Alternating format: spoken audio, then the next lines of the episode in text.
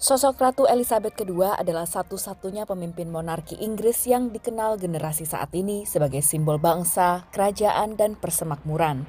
Bahkan sebelum menjadi ratu, Elizabeth II menunjukkan karakter yang teguh dan setia pada kerajaan Inggris. I declare before you all that my whole life, whether it be long or short, shall be devoted to your service and to the service of our great imperial family to which we all belong.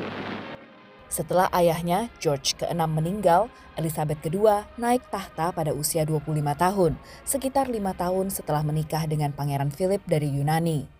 Ia jadi saksi perubahan masyarakat dan teknologi semasa tujuh dekade lebih, di tengah tantangan untuk menyeimbangkan tradisi dan menggunakan teknologi baru. As head of the Commonwealth, the Queen has links with the past. Sometimes it's a past that's difficult to come to terms with because you think of empire, you think of colonial exploitation, for example.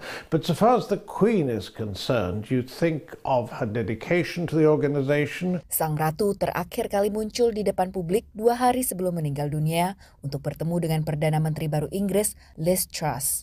Elizabeth II dikenal sebagai salah satu pemimpin monarki Inggris yang paling aktif bertemu dengan pemimpin dunia, termasuk dalam kunjungannya ke Indonesia pada 1974 pada era Presiden Soeharto. Kunjungan internasional terakhirnya dilakukan pada tahun 2015, namun ia masih terus menerima pemimpin dunia termasuk pada KTT G7 di Cornwall tahun 2021 lalu. Tak kebal dari kritik, sang ratu tak disukai sayap kiri Inggris yang menyebutnya sebagai simbol institusi yang ketinggalan zaman di era demokratis, neoliberal, dan postmodern. Juga disebut sebagai beban bagi pembayar pajak.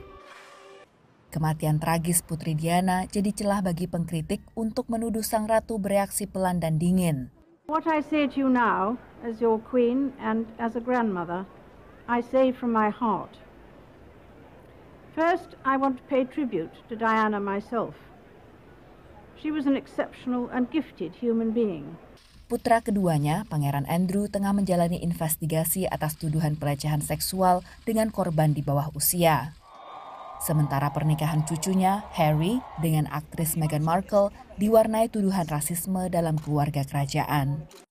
Ketika suaminya Pangeran Philip meninggal dunia pada 2021, sang ratu meninggalkan citra dirundung kesepian di tengah pandemi COVID-19.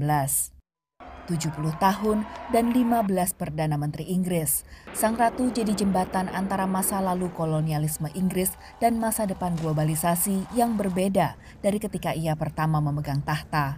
In our lives, Mr. President, we have seen the worst but also the best of our continent.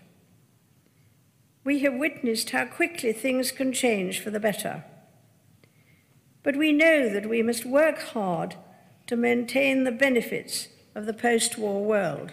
Ratu Elizabeth II digantikan putranya Charles dengan gelar Charles III. Prosesi pemakaman dijadwalkan akan memakan waktu sekitar 10 hari, sementara upacara naik tahta Charles baru akan terjadi dalam beberapa bulan ke depan. Demikian laporan VOA.